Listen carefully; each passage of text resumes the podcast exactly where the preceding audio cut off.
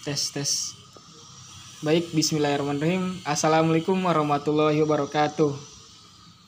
Ya eh, jumpa lagi bersama saya sebagai perwakilan dari kelompok KKM 70 Desa Cigelis tahun 2021 ya eh, di sini bersama saya sudah ada eh, narasumber ya. Mungkin bisa dibilang sebagai eh, tokoh lah salah satu tokoh yang ada di desa Cigelis ini. Mungkin langsung saja ya eh, kita sapa. Ya oh ya sebelumnya eh, tokoh yang sedang berada di dekat saya ini biasa dipanggil dengan Aireng mungkin langsung aja ya kita sapa. Ya A gimana kabarnya? Alhamdulillah, alhamdulillah eh, sehat. Alhamdulillah. Ya, eh, hari ini tuh kan sedang keadaan COVID ya. Mungkin pengen tahu gitu kesibukan Airang ini di keadaan kayak gini. Ngapain aja gitu A, kesibukannya gitu. Eh, untuk sementara ini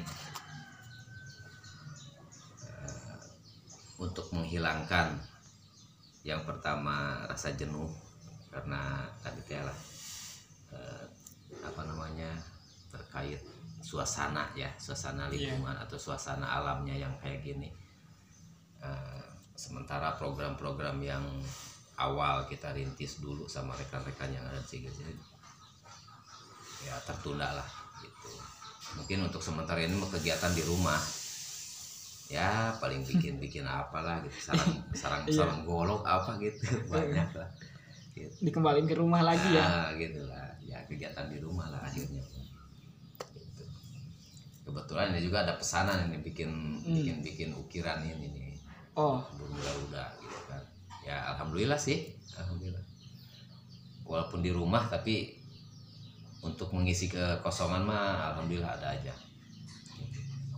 Ya. sementara, sementara ini mah pengembangan di bidang ukiran paling. Ukiran nih. nah, Oke, jadi Airang ini eh sebagai sosok mungkin bisa di- dibilang seniman ya. Nah, kalau seniman terlalu tinggi penggemar seni penghobi Oh, penggemar seni. ya. Ya emang A- Airang ini hobi merendah gitu orangnya. emang di ya, adanya di apa namanya di kelas rendah itu hanya penggemar seni tapi kebetulan saya memang eh, kalau kalau dibilang seniman itu kan Hmm. itu udah jelas Oh. dia adalah eh, seorang ahli Hmm. seniman itu seorang ahli kalau saya nggak dibilang ahli sih nggak tapi suka gitu lah Oh, gitu. iya, iya. Oh iya, eh, bisa asal usul bisa dibilang Airang tuh apa gimana sih gitu tuh?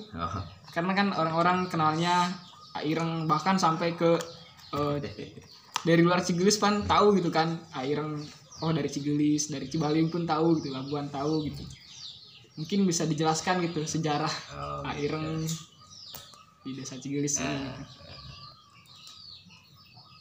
sebetulnya mah dari perjalanannya dari eh, semenjak dulu dulu waktu dulu ya waktu tahun 93 Dulu banget eh, 9 eh 93 95 95 96 itu kan Hmm. kita buka perangkat rapi orari 2 meteran itu ya. Nah itu panggilan udara panggilan udaranya Ireng Maulana gitu kan Hmm. Nah, setelah itu apa namanya ya kita istirahat, nggak nggak ini lagi, nggak apa namanya nggak gabung lagi, nggak giat lagi di situ. Eh, kita ikut di on air radio Krakatau Oh, gitu Krakatau kan. ya. Nah, itulah awal awalnya mah Berarti pernah di radio Krakatau juga Nah, ya? pernah pernah ya isinya bukan bukan jadi ininya ya cuma cuma pen lah Hmm. tuh dari situ ya akhirnya keenakan ah, ireng aja Hmm. gitu ya panggilannya ireng jadi nggak ada sih nggak ada apa namanya sejarah apa gitu nggak ada cuman itu doang gitu. cuma panggilan awalnya dari dua meteran radio orari itu Orari itu apa? Organisasi radio Oh, amatir itu kan oh, organisasi radio amatir yang dua meteran itu Oh. Oh ya, perlu teman-teman tahu ya, eh, Radio Krakatau ini adalah radio yang cukup terkenal gitu, ber- yang berada di desa, eh bukan desa ya, di daerah Labuan. Labuan. Nah, daerah Labuan. Yang di mana radio ini dia terkenal gitu, dari ujung Paneglang sampai Paneglang lagi gitu. Nah, dan Airan pernah eh, di sana gitu, on air sana gitu gabung gabung. Oh iya, eh, ngomong-ngomong tentang desa Cigelis ini, ah, mungkin kan banyak ya eh, potensi-potensi yang ada di desa Cigelis, Ya. terus juga eh, hal apa yang bisa dikembangkan. Nah, teman-teman kepo nih ah, yang ada di luar Cigelis mungkin apa aja sih yang potensi yang ada di desa Cigelis tuh ah gitu. Mungkin bisa dijelaskan. sebetulnya banyak sebetulnya kalau kalau kita gali itu sangat banyak sih sebetulnya potensi Cigelis itu pokok yang utama yang udah ya termasuk sudah di, sudah pernah dibuka Hmm. atau di, diprogramkan ya yaitu destinasi wisata alam Oh, kebetulan kita punya punya destinasi wisata alam yang alhamdulillah memang itu udah termasuk 10 besar destinasi wisata eh, provinsi oh, nah. Sawer oh ya. Nah, alhamdulillah eh, pemerintahan provinsi termasuk dari kementerian mendukung banget gitu ya Hmm. cuman kebetulan sayangnya karena ya terkait ada si- situasi seperti ini pandemi ya Hmm. akhirnya kita tunda akhirnya ya itulah yang pertama itu yang kedua dari segi eh, apa yang namanya home industri Home industry. nah Cigaris itu udah, punya ciri khas itu udah Apa nyampe itu? ke mana-mana contohnya keripik singkong Oh iya, maaf. Tuh, tahu keripik tahu. singkong itu ada ciri khas Cigelis udah sampai ke mana-mana Iya. Padahal padahal buatan rumah doang Nah, ya. itu kan rumahan, rumahan Nah. memang. Tapi alhamdulillah itu memang jadi satu ya dalam artian satu eh, kekuatan juga ya Hmm. buat buat ekonomi masih gitu malah membantu lah istilahnya. Iya. Tuh. Keripik singkong, gula aren, Hmm. terus apa itu ya? Ya, pokoknya termasuk home industri itulah salah satunya. Terus yang ketiga handicraft.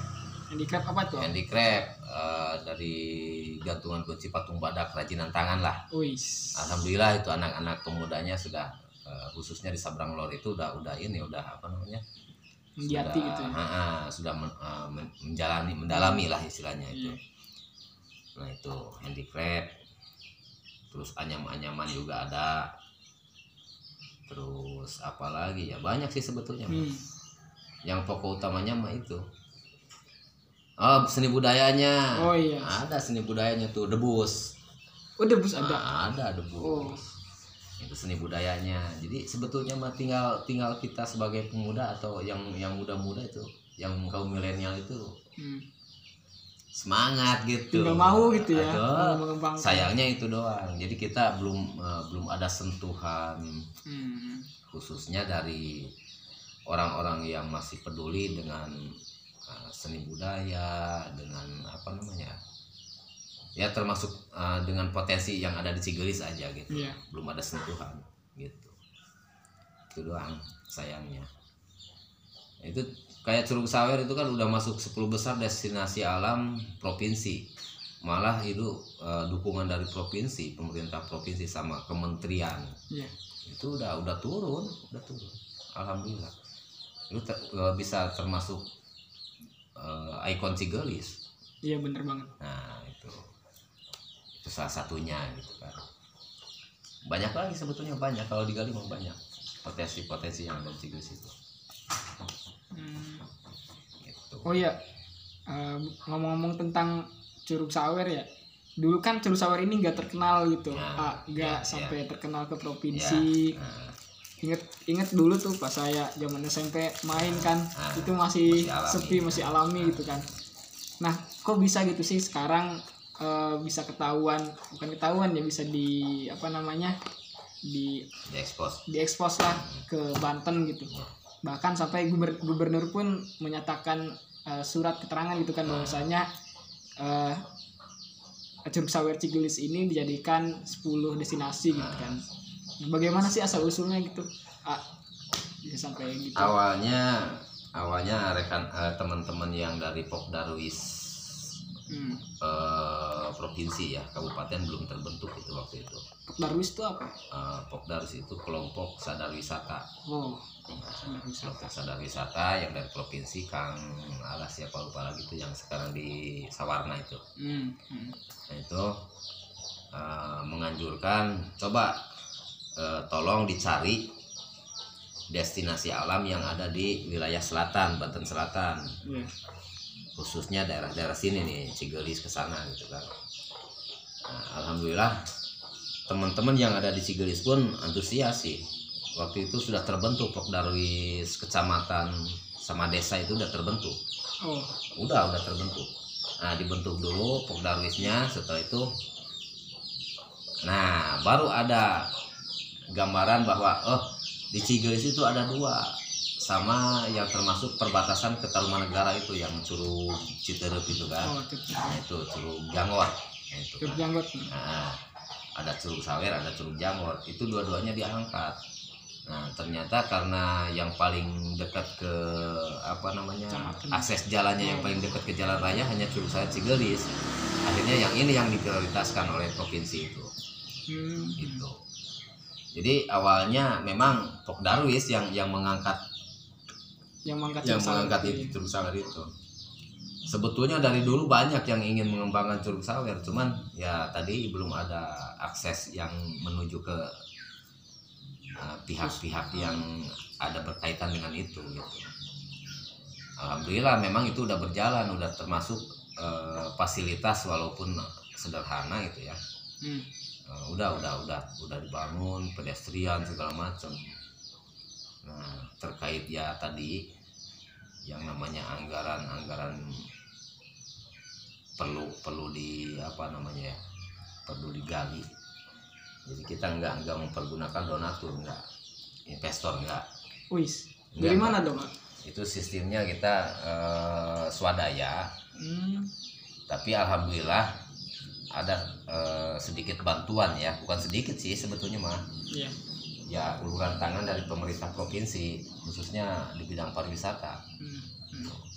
sampai dibangun pedestrian terus fasilitas MCK segala macam memang udah ada termasuk aksesoris aksesorisnya Iya.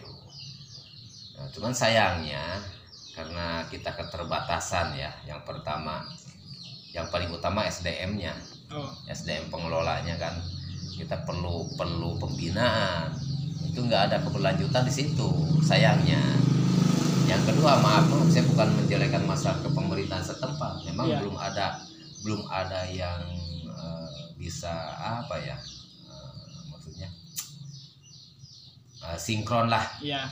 ataupun keinginan ingin mengembangkan lebih dari itu Oh. Tuh, padahal kami dari pihak Pok Darwis itu udah antusias.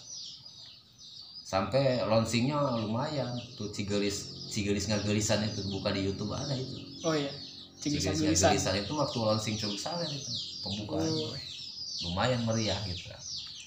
Nah, terkait pandemi dan juga hal-hal yang lain lah ya. Iya. Akhirnya kita pending dulu, tapi insya Allah untuk eh, tahun-tahun atau untuk yang akan datang insya Allah di- dikembangkan lagi. Mudah-mudahan eh, ada yang lebih peduli khususnya dari pemerintahan. Gitu. Amin amin amin. Berarti eh, sebelum Curug Sawer ini terkenal banyak itu kan ke seluruh Indonesia. Sebelumnya diciptakan eh, dibuat Pok Darwis dulu ya. Iya dibentuk Pok Darwis dulu karena eh, hanya Pok Darwis yang bisa yang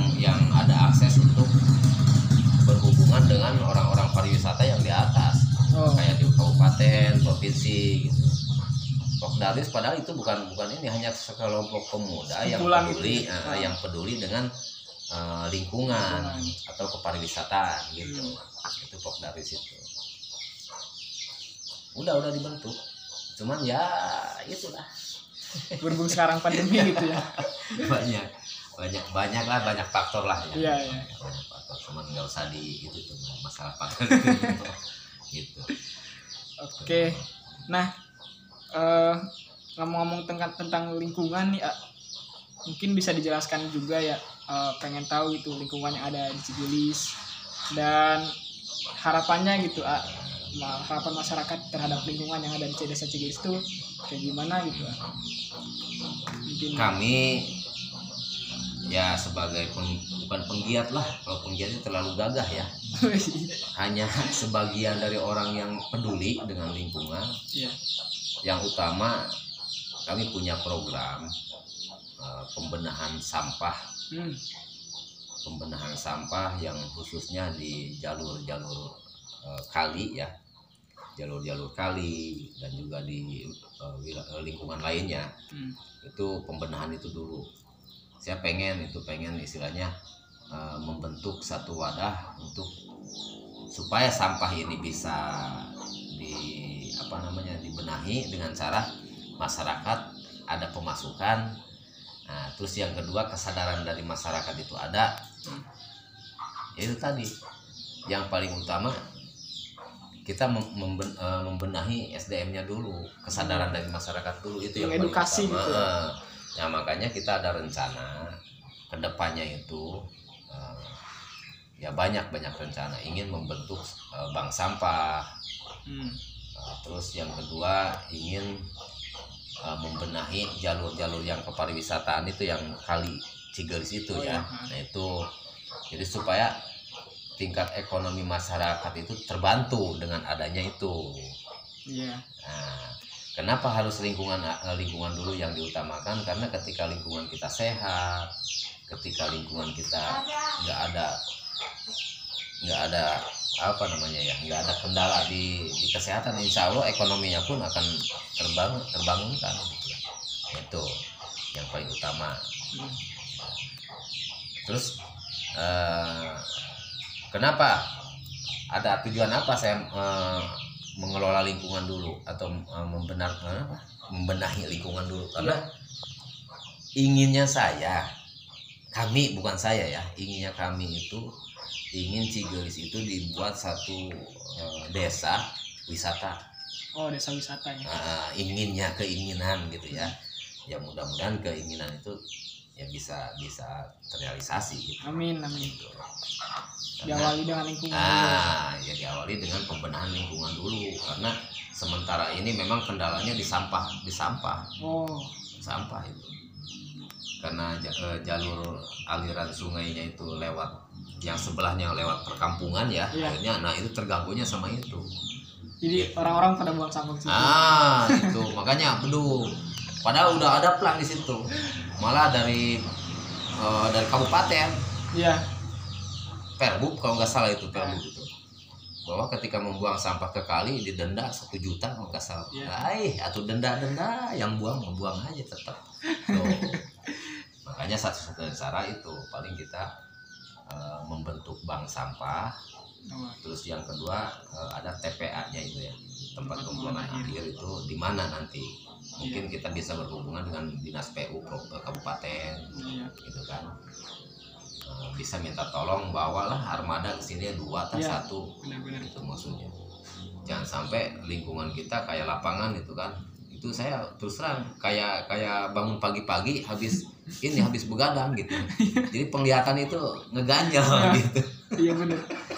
Enak-enak mata pandang gitu kan. Oh. Eh, udah itu. ngeganjal gitu kayak kita bangun pagi belum belum cuci muka gitu Iya. penglihatan kan buram gitu ya gitu doang tuh nah itu yang paling utama itu pengennya saya pengennya kami bukan saya ya pengennya kami Iya.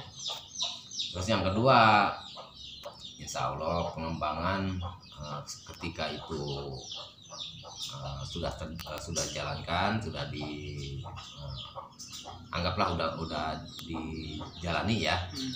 Insya Allah saya pengen pengen masyarakat Sigis itu punya taraf eh, dari segi taraf ekonominya itu ya minimal minimal punya kegiatan. Hmm.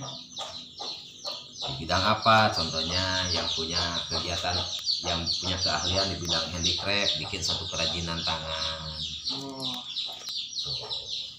terus yang punya eh, kegiatan umpamanya biasanya di home industri yang membuat gula aren itu dikembangkan lagi.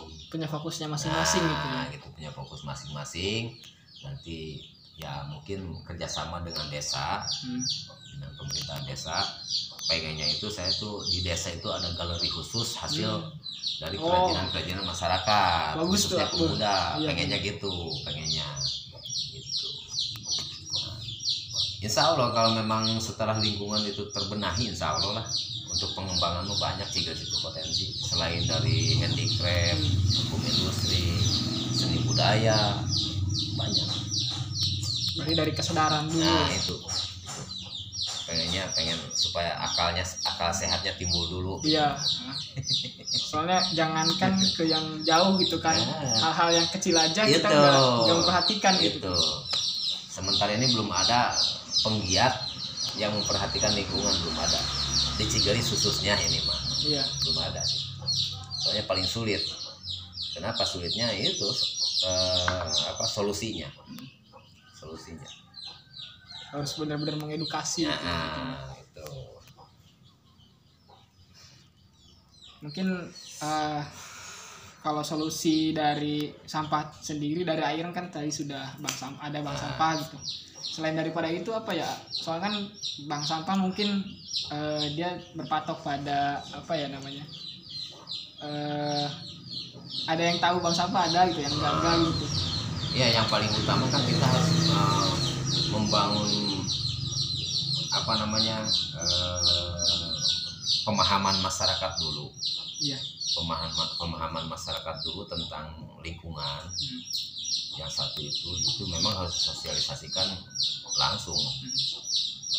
Nggak nggak bisa dipakai berita apa namanya eh, media diberitakan di nggak bisa itu harus langsung sosialisasi turun ke bawah Hmm. gitu. dengan cara memang itu harus kita bentuk penggiatnya dulu Iya. yang utama itu SDM-nya dulu yang yang di, yang dibina supaya pengertian tentang sampah itu harus digimanain itu kan memang harus ada pelatihan khusus iya kayak um, pembentukan bank sampah juga itu kan harus ada ya anggaplah modal memang harus ada dari segi apa pun ya. Iya. Cuman yang paling utama modal kesadarannya dulu kesadaran masyarakat. Itu selain dari itu memang rencananya Curug Sawer pun di- diangkat kembali. Iya. Diangkat kembali.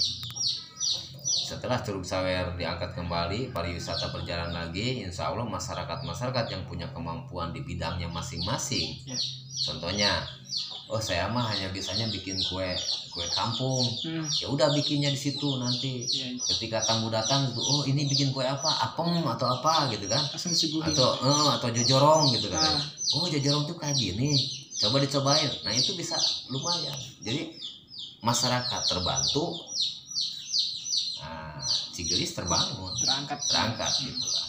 Tuh ma- maunya saya maksudnya tujuannya. tuh tujuannya sih simpel cuman berat buat dilakukan ininya prosesnya yang berat prosesnya ya soalnya proses merubah image masyarakat atau Hmm. merubah daya pikir ke arah situ itu perlu waktu memang rada lumayan lama mengubah paradigma Ah, masyarakat ah. gitu ya. soalnya pemahaman masyarakat tentang sampah itu belum belum bisa memahami "Ah, sampah inilah. Iya benar apa banget. sih fungsinya? Iya. Padahal itu sampah kalau diangkat dijadikan satu produksi bisa. Bisa banget. Bisa. Tapi dengan cara apa? Pemilahan. Pemilahan yang ini organik ini non organik yang non organiknya bisa di eh, apa namanya ya untuk membantu minimal buat beli-beli apa gitu kan. Hmm. itu bisa dijual kan? Iya benar. Mana nomor. KTP? Hmm. Gitu jadi namun seandainya udah terbangun kesadaran masyarakat di segi lingkungan insya Allah Hmm. itu akan akan bisa membantu pengembangan taraf ekonominya nantinya. Contohnya ketika lingkungan bersih mau diapakan ini Cigelis mau dijadikan destinasi wisata juga atau mau dijadikan maksudnya eh, apa wisata edukasi juga bisa Iya. gitu kan contohnya nyari pohon-pohon yang jarang tanam di depan rumah pakai nama di situ itu kan bisa jadikan oh desa wisata kan. Macam-macam kan is- isinya. Iya. itu bisa dijadikan jadikan edukasi buat pembelajaran. Oh ini nama pohon ini. Oh ini buahnya gitu. Dari hal-hal dari gitu. ya. ah, makanya banyak sih sebetulnya banyak. Yang paling utama itu. Menyadarkan dulu masyarakat supaya dia cinta dan peduli terhadap lingkungan. Hmm. yang paling utama itu masa pembuangan sampah jangan sampai ke kali. Harus ada pembuangan sampah yang eh, bermanfaat lah istilahnya Iya. gitu Ya, eh, terkait tadi nyinggung terkait tentang ekonomi yang ada di Cigelis ya. Eh, ya mungkin pengen tahu nih eh, ekonomi yang ada di Cigelis tuh ada apa aja gitu. Perekonomian yang ada di Cigelis. eh, maksudnya di segi usahanya gitu Ya, kan. usahanya gitu. sebetulnya mah memang eh, mayoritas masyarakat Cigelis itu kan ber- bercocok tanam bukan bertani bukan bercocok Oh. tanam di kebun. Gitu kan? Mayoritas tapi di sisi lain ada eh, apa namanya ada sebagian usahanya dari eh, menjual-jual produk atau menjual apanya kayak produk home industry kan Iya. kayak gitu. Memang banyak udah banyak sekarang itu nah masalah taraf ekonomi sebetulnya mah di Cigelis itu mayoritas petani Hmm, cuman petaninya petani bercocok tanam cocok tanam ya. coba ngerti nggak apa yang disebut petani bercocok tanam Kayak gimana itu? jadi petaninya nggak dikhususkan petani bisnis Oh, contohnya kalau nanam di kebun itu duren duren aja hmm, hmm. itu tuh mah tanaman dicocok-cocokin apa aja ada itu tiap kebunnya sok be. Iya benar-benar. makanya bercocok tanam Jadi lahannya umum ya. nah itu jadi bukan dikhususkan nah kalau musim duren udah kayak di eh, mana contohnya di daerah Pagaden Hmm. itu kan semua nanam rambutan ada rambutan makanya ciri khasnya rambutan kebanyakan dari Pagaden Hmm, hmm, nah Cigelis nggak punya ciri khas hanya ciri khasnya produk home industry hmm. keripik singkong Singkong. paling sama itu emping paling gula aren Iya. tuh jadi makanya ingin ingin inginnya kami kami yang yang peduli terhadap masalah itu eh, ada pemerhati khususnya dari pemerintahan Iya. ada pemerhati supaya membangun SDM dulu apa namanya eh, membentuk SDM, SDM dulu supaya minimal ketika ada orang-orang yang peduli di eh, di lingkungannya terus ada penggeraknya terus ada pembinaannya insya Allah benar. bisa bisa Tuh. Istilahnya motor kalau nggak ada mesinnya Nah, nggak bisa itu. jalan gitu ya. Nah, itu. Insya Allah ekonomi ekonomi masyarakat dengan sendirinya dia akan terangkat Hmm, Iya sih benar-benar. itu memang untuk sementara ini mah ya ini mah keseluruhan ya Hmm. Kalau masalah ekonomi ya hampir sama sih Iya. paling nunggu uluran itu bantuan paling Apalagi di masa sekarang. oh tuh gitu. Aduh. sulit sulit sulit sulit Ya ngomong-ngomong tadi desa wisata ya. ah, kemarin eh Resi pernah dengar tuh yang di YouTube desa wisata eh desa Citorek yang dij- dijadikan desa Citorek, wisata gitu. eh, Citorek Dan dia dapat apresiasi dari Om Sandiaga Uno gitu kan. Ah. Tuh, ya bahkan mengacungkan dua jempol katanya dari Om Sandiaga Uno itu. Nah mungkin dari desa Cigelis ini harapannya mau kayak gimana sih desa wisata dari desa Cigelis ini gitu? Ah, mungkin ya skemanya gitu yang paling utama kita pengennya pengennya merubah merubah apa ya eh, merubah karakter orang-orang Cigeli supaya peduli Hmm, eh, supaya eh, apa namanya ya bilangnya sadar ya. supaya sadar Hmm. supaya sadar bahwa ternyata perekonomian itu nggak usah nggak usah terlalu berpikir harus modalnya gede Iya. dulu bukan harus ada perjuangan dulu yang paling utama gitu. Jadi pengennya saya Cigelis itu punya ikon sendiri contohnya Hmm. Curug Sawer. Ya. Itu pengennya saya itu diangkat kembali itu terus saya pengen jadi ikon Cigelis satu. Yang kedua Cigelis punya ciri khas. Hmm. apa yang mau diangkat? Tadi sudah ada dasar produk keripik singkong itu Hmm. bisa diangkat itu udah mancanegara loh jangan salah iya turis-turis Amerika ketika dia berkunjung ke Tanjung Lesung hmm. itu akan mampir menanyakan mana keripiknya saya pesan iya benar itu Wih keren. ke Brunei Ih Iya. keren. Cigelis itu udah punya sebetulnya mah Hmm. itu keripik singkong udah ke mana-mana orang-orang pemerintahan kabupaten ketika ada kunjungan kerja ke sini Hmm. Dia akan berhenti di Cigelis Otomatis berhenti itu mana nih keripik ya. Iya. Tuh, itu jangan salah nah itu bisa dikembangkan nanti bisa istilahnya di, eh, diperbanyak lah Hmm. minimal itu bisa kan kayak masyarakat masyarakat yang tadinya biasa bertani Hmm. ya itu bisa dikembangkan lagi dia khusus penanaman singkongnya bahan bakunya gitu. Iya. Nah, ada rencana untuk pembinaan yang eh, pengelola Hmm. atau apa namanya eh, produsen Hmm. produsen keripiknya nanti Oh. akan ada eh, akan ada pembinaan lah khusus. Jadi nanti akan dibina per kelompok dan mudah-mudahan pemerintah desa bisa ada respon dari mana pun itu nanti untuk bantuan ke situ Hmm. hmm. Apa pengembangan dari bumdes tuh apa Iya. dari mana gitu pengennya seperti itu untuk nantinya gitu kan makanya kita berusaha waduh ini lagi nyari partner sebetulnya mah Hmm. cuman ya itu gelutukan sendiri cuman bingung bingung kalau sendiri mah kita hanya ngelus dada aja ngeliat aduh sayang padahal padahal Hmm. kalau dibanding desa-desa lain juga di situ Lebih berpotensi gitu ya. berpotensi banyak Hmm. berpotensi jadi sering keterkaitan handicraftnya ada seni budayanya ada home Hmm. industrinya ada makanan ciri khasnya ada, Ada. Ini lengkap sih ya. Ah, destinasi wisatanya ada itu tinggal Tinggal maunya itu aja. tinggal ada ada kemauan khususnya dari pemerintahan lah dari pemerintah yang di sini ada nggak kemauan ingin, ingin membuka Iya. lapangan pekerjaan buat masyarakat. Mungkin eh, closing statementnya dari Aireng gitu harapan atau juga eh, apa ya namanya ya harapan dari Aireng gitu buat pemuda-pemuda yang ada di Cigelis ataupun pemerintahan yang ada di desa maupun provinsi gitu. Harapannya mau kayak gimana sih A buat desa Cigelis ini gitu? Harapan saya yang pertama eh, pemudanya bisa lebih sadar lagi Hmm.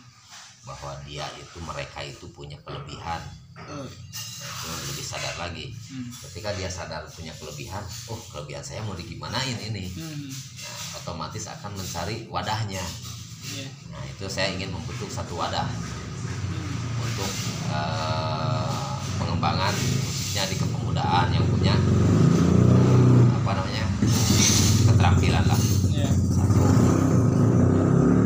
harapan untuk untuk lainnya seperti pemerintah pemerintah desa atau pemerintah yang di provinsi yang di pusat Hmm. ya mudah-mudahan bisa melirik bagaimana caranya uh, supaya masyarakat Cigelis yang tadinya ada bakat Hmm. di bidangnya masing-masing bisa dikembangkan untuk Kembangkan. menjadikan uh, taraf ekonomi mereka itu terangkat Hmm. gitu terus yang yang keduanya saya punya harapan ketika ada ada orang-orang yang lebih eh, bisa peduli lagi Hmm. atau banyak lah minimal minimal orang-orang pemuda lah pemuda ini ada berkeinginan seperti yang tadi saya utarakan itu Hmm. itu sangat bersyukur saya pengennya seperti itu Tuh. karena kalau dibandingkan dengan destinasi yang lain yang dibangun secara bukan dengan alam tapi secara secara hasil tataan manusia Aha. kok bisa mbak maju bisa berjalan tapi ini yang udah disediakan oleh alam. Alam.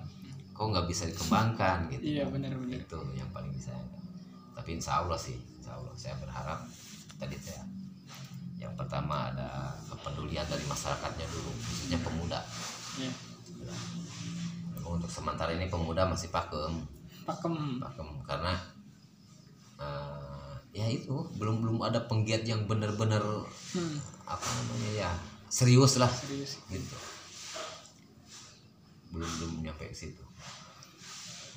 Ya saya juga sih termasuk pemuda sih Om. Ah, iya. Dan memang eh, terpukul banget gitu kan melihat keadaan yang ada di Cigelis gitu. pengen berharap lebih tapi kalau bergerak sendirian nggak mungkin gitu iya kan. iya. Ya itu. Ya makanya mudah-mudahan bisa terbentuk satu wadah eh, yang bisa supaya pemuda pemuda Ciges yang punya keahlian di bidangnya apa pun hmm, mau anyaman atau apalah handicraft atau segala macam jadi bisa tersalurkan. Iya benar. Bisa tersalurkan. Insya Allah sih Insya Allah. Yakin sekali yakin Kalau, eh, bisa gitu ya? bisa bisa. Tinggal kemauannya kemauannya masyarakatnya sendiri pengennya apa gitu. Hmm, hmm. gampang sebetulnya mah masyarakat itu pengen apa? Pengen maju apa pengen apa? Kalau pengen pengennya hanya men- menunggu bantuan dari pemerintah itu salah. Karena kita punya keahlian kalau nggak dipakai ya itu sama kayak golok. Iya jadi asal itu. Biasanya bikin kayak ginian nggak dipakai udah lupa. Hmm, nggak bisa di ini nggak bisa apa namanya ya tadi. Monoton. Hmm, tuh. Oke. Ya. Oke seru sekali ya Eh, ngobrol bareng bersama Aireng ini gitu mungkin masih banyak yang perlu dibahas tapi berhubung waktu yang eh, menghambat bukan menghambat ya menyadarkan kita semua gitu. Oleh karena itu eh, kita akhir aja podcast kali ini. Semoga eh, para pendengar semuanya bisa bermanfaat ya bagi bagi bagi para pendengar gitu. Termasuk bagi saya sendiri sebagai orang Cigelis eh, harapannya eh, kita semuanya sadar gitu terhadap lingkungan yang ada di desa Cigelis ini. Gak hanya di desa masing desa Cigelis itu di desa masing-masing yang eh, karena hal hal yang paling kecil itu emang punya kesadaran gitu kan. Kalau misalkan masyarakatnya nggak sadar itu susah gitu buat menggerakkan desanya masing-masing gitu.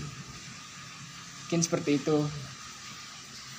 Ya eh segitu aja mungkin buat podcast kali ini jangan lupa like and subscribe dan terus pantengin YouTube channel kita KKM Desa KKM 70 Desa Cigelis. Oke, saya Rizky Amara pamit undur diri dan A Ireng terima kasih banyak A nih udah berbincang-bincang. ya Eh, ya. Assalamualaikum warahmatullahi wabarakatuh.